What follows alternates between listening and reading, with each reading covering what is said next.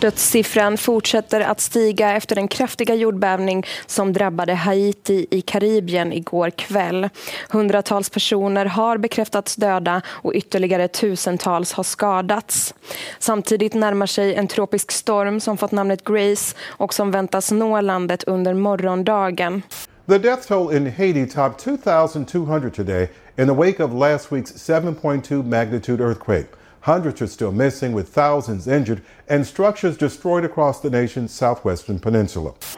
Meanwhile, flooding and damaged roads have hampered efforts to deliver much needed humanitarian aid. Yeah, the situation in Haiti is so desperate that gangs in the country announced a ceasefire to help, or at least not hinder, in the relief effort. Haiti's gangs had been hijacking aid trucks and ambulances, making relief work extremely difficult. Some aid agencies have resorted to helicopters to move supplies. On Friday, the UN's Deputy Secretary General visited the injured and said the earthquake could be an opportunity to rebuild a better country. A promise Haitians have heard before after the 2010 earthquake, which killed more than 200,000 people. Först kom jordbävningen. Ett skalv som med sin magnitud på 7,2 var större än den som skedde för 11 år sedan och som landet fortfarande idag inte har återhämtat sig helt ifrån. Sen, bara någon dag efteråt, så drog den tropiska stormen Grace över landet och tömde stora mängder regn över människor som inte längre hade några hem att söka skydd i. Och med gängkriminella som attackerar hjälptransporter så dröjer det ännu längre tid innan människor får den hjälp de behöver. Samtidigt som landet redan sedan innan befinner sig i ett instabilt politiskt läge efter att presidenten mördades i början av juli. När vi spelar in det här avsnittet så vet vi att över 2000 människor har mist livet och mer än 12 000 är skadade. Fortfarande saknas 320 personer. På plats på Haiti finns Myndigheten för samhällsskydd och beredskap, MSB. De har skickat ett expertteam dit för att stötta krisarbetet. Och det är de som vi pratar med i dagens avsnitt av Aftonbladet Daily. Jag heter Liv Elgenklöv. Och med oss, via en lite knackig telefonlinje, har vi Kristin Mört som är insatsledare på plats. Och hon får börja med att beskriva hur situationen är på Haiti nu. På Haiti är ju läget eh, dåligt på väldigt, väldigt många sätt. Det är, det är otroligt många skadade, det är många döda, det är många som inte har något hem att gå till, inget rent vatten. Det finns inga för de som är skadade eller har blivit drabbade i jordbävningen finns inga sjukhus att gå till och, och få hjälp med den skada man har. Och man kan heller inte söka skydd i sitt hem för, för regn och, och väder. Så att, eh, landet är drabbat otroligt, otroligt illa. Det som också försvårar situationen här är ju att eh, vägar och broar, det går inte att ta sig mm. fram om du ska försöka ta dig någonstans för att söka vård så är det inte säkert att vägen dit fungerar eller att eh, vägövergångar eh, har rasat och sådär. Eh, och sen avgör den liksom, situationen med, med pirater och gäng som skäl och, och tar folk gisslan och sådär. Så, så eh, det är ju multipla problem här och en katastrof i taget hade ju räckt för vilket land som helst. Så det är klart att det är en, en jätte, jättesvår situation här på Haiti just nu. Och sen finns det ju en coronapandemi som strössel ovanpå också. Precis, precis. Vi har ju ett coronaläge här som är också väldigt svårt. Vi tittade häromdagen, det är inte dagsfärsk siffra men det är mindre än en procent som är fullvaccinerade här. Så att det ligger ju också på toppen av allt annat. Så, så att, eh, ja, det är många olika problem som pågår här. Du som ändå är där och, och, och möter den här eh, situationen. Kan, skulle du kunna på något sätt bes, beskriva hur, går det att sätta ord på förödelsen? Alltså hur illa är det? Vad ser man när man är där? Det man ser är ju människor utan hem, skadade personer som ligger på gator, som inte har någonstans att vända sig. eh, oro bland människorna. När kommer vi få tag i mat? När kommer vi få tag i rent vatten? Eh, hur ska vi bygga en framtid utifrån de gasmassor vi har här eller det raserade hus som jag tidigare har bott i finns inte längre. Det här har ju drabbat, som jag sa tidigare, ett redan väldigt, väldigt fattigt folk har fått det ännu värre. Eh, skadorna både på människor och infrastruktur är stora. Och folk som du träffar, vad, vad säger de? Ja, men eh, alla beskriver ju det här läget som är illa. Så det, det finns inget annat. Sen Eh, går snacket lite upp och ner kring säkerhetssituationen. Vi hör ibland att det ska ha blivit bättre och så har vi nästa dag att det inte alls har blivit något bättre och vi får rapporter hela tiden och sådär. Så, eh, det är väl det folk pratar om, men, men framförallt skadeläget och, och hur illa det är där ute i landet. Men om man, om man ska ta helikopterblick på hela situationen, vad är det mest akuta som man behöver åtgärda först?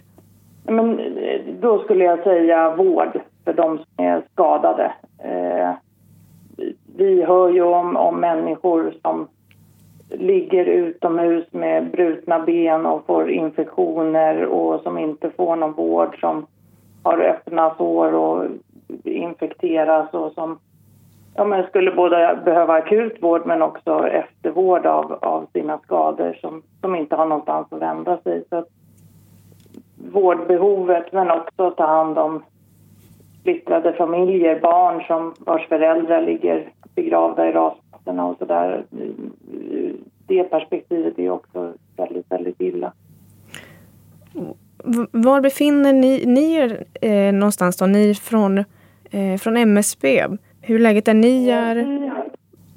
Vi befinner oss delvis i Port-au-Prince, huvudstaden som, som inte är så drabbad och, och arbetar med koordinering av, av andra insatser. Och sen har vi några som just nu är på väg med konvoj till, eh, till en stad som heter Lekej eh, som är ett av de värst drabbade områdena. Och där ska vi hjälpa till och, och bygga upp och koordinera insatserna görs där. Så vi är på två olika ställen just nu och det kanske blir fler framöver men just nu är vi på två. Dina, dina kollegor då som ska åka med konvojen till det här mer drabbade området, vad, vad kommer de att göra? Eh, de kommer att åka ner för att sätta upp en sån här koordineringshubb så att de eh, åker ner och sätter upp Eh, liksom kontor eller ja, det är ju i, i, förmodligen i tält då, men eh, så att det går att eh, kommunicera därifrån. Vi behöver wifi eller någon form av uppkoppling så att det går att ringa och skicka information från det här drabbade stället. Vi kommer eh, se till att logistiken funkar, att det som kommer dit och, och behöver tas om hand när det väl kommer dit på plats koordineras på rätt sätt så att eh, de organisationer som vi stöttar kommer igång så fort som möjligt med de, eh, det material som de får ner. Sen situationen med eh, gängkriminella i landet. Du var inne på det förut också. Men, men hur, påverkar, hur påverkar det ert arbete och generellt räddningsarbetet? De gängkriminella och, och de som försöker stjäla saker längs vägen och, och skapar en osäker situation för vår personal här gör ju vårt jobb mycket, mycket svårare. I ett land där det här inte hade funnits hade det varit lättare att skicka ut personal och, och material. Då hade vi inte behövt tänka på säkerhetsläget på samma sätt. Mm. Nu måste allt gå med poliseskorterad konvoj. Vi kan inte åka när som helst på dygnet. Vi kan inte åka särskilda vägar för att det är för farligt. Det är klart att det hela tiden försenar den insats som alla här, inte bara vi, skulle kunna göra. Vi måste hela tiden sätta säkerheten först och, och det, det försenar saker och gör att saker tar längre tid än det skulle behöva. Det, det, låter som att det är ganska frustrerande. Vår situation. Vad sa du? Det låter som en ganska frustrerande situation. Ja, men det är klart. Det, det, är ju frustrerande när vi ser att vi skulle kunna skicka ut hjälp fortare när man skulle kunna göra saker på ett enklare och mer effektivt sätt. Men vi hela tiden måste ta extra hänsyn till säkerheten. Det, det är frustrerande och, och gör ju situationen här svårare för oss såklart. Det har, men det har ju rapporterats också om, eh, ja förutom eh, kriminella som attackerar hjälptransporter så har det också kommit, rapporterats om fredsuppgörelsen mellan gäng och, och löften om att eh, från vissa gängledare att de ska hjälpa till med eh, räddningsarbetet. Eh, hur, stä, hur förhåller ni er till, till det? Finns det någon sanning i det? Vi, vi, vi hör ju också de ryktena. Problemet är att vi inte riktigt ser att att det är ett genomslag i, i att det faktiskt har blivit lugnare utan vi fortsätter hålla ett högt säkerhetsläge. Vi hör fortfarande om folk som blir kidnappade, om eh, lastbilar och, och konvojer som blir attackerade. Så, så att vi hör det, men, men håller ändå ett högt säkerhetsläge för vi ser inte att den förändringen har skett i den utsträckning som vi skulle vilja eller som skulle behövas. Sen, sen är det ju också en eh, relativt instabil politisk situation i landet. Det här skalvet kommer ju en dryg månad efter att eh, Haitis president mördades. Hur, eh, hur påverkar det? Ja, det, det, det tänker jag är en sak som inte direkt påverkar oss, men indirekt. Att det är oro i landet gör ju att de gängkriminella får större utrymme eller vad man ska säga.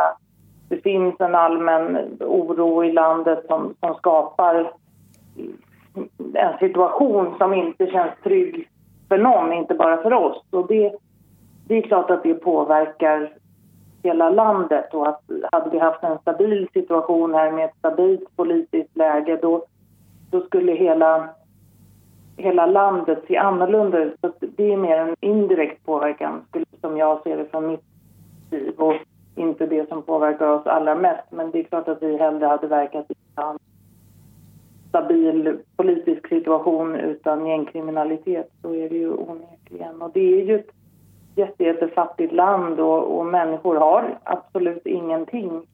Så att det påverkar ju också indirekt hur situationen här är. Hur, hur länge kommer ni att stanna tror du? Eh, till att börja med är det sagt att vi ska vara här i två veckor men MSB och EU kommer förlänga sin insats här och så att det kommer bli längre. Eh, men hur länge vet jag faktiskt där hörde ni Kristin Mört som är insatsledare för MSBs team på plats på Haiti. Jag heter Liv Elgenklöv och du har lyssnat på Aftonbladet Daily. Senaste nytt hittar du på vår sajt aftonbladet.se. Så hörs vi snart igen. Du har lyssnat på en podcast från Aftonbladet. Ansvarig utgivare är Lena K Samuelsson.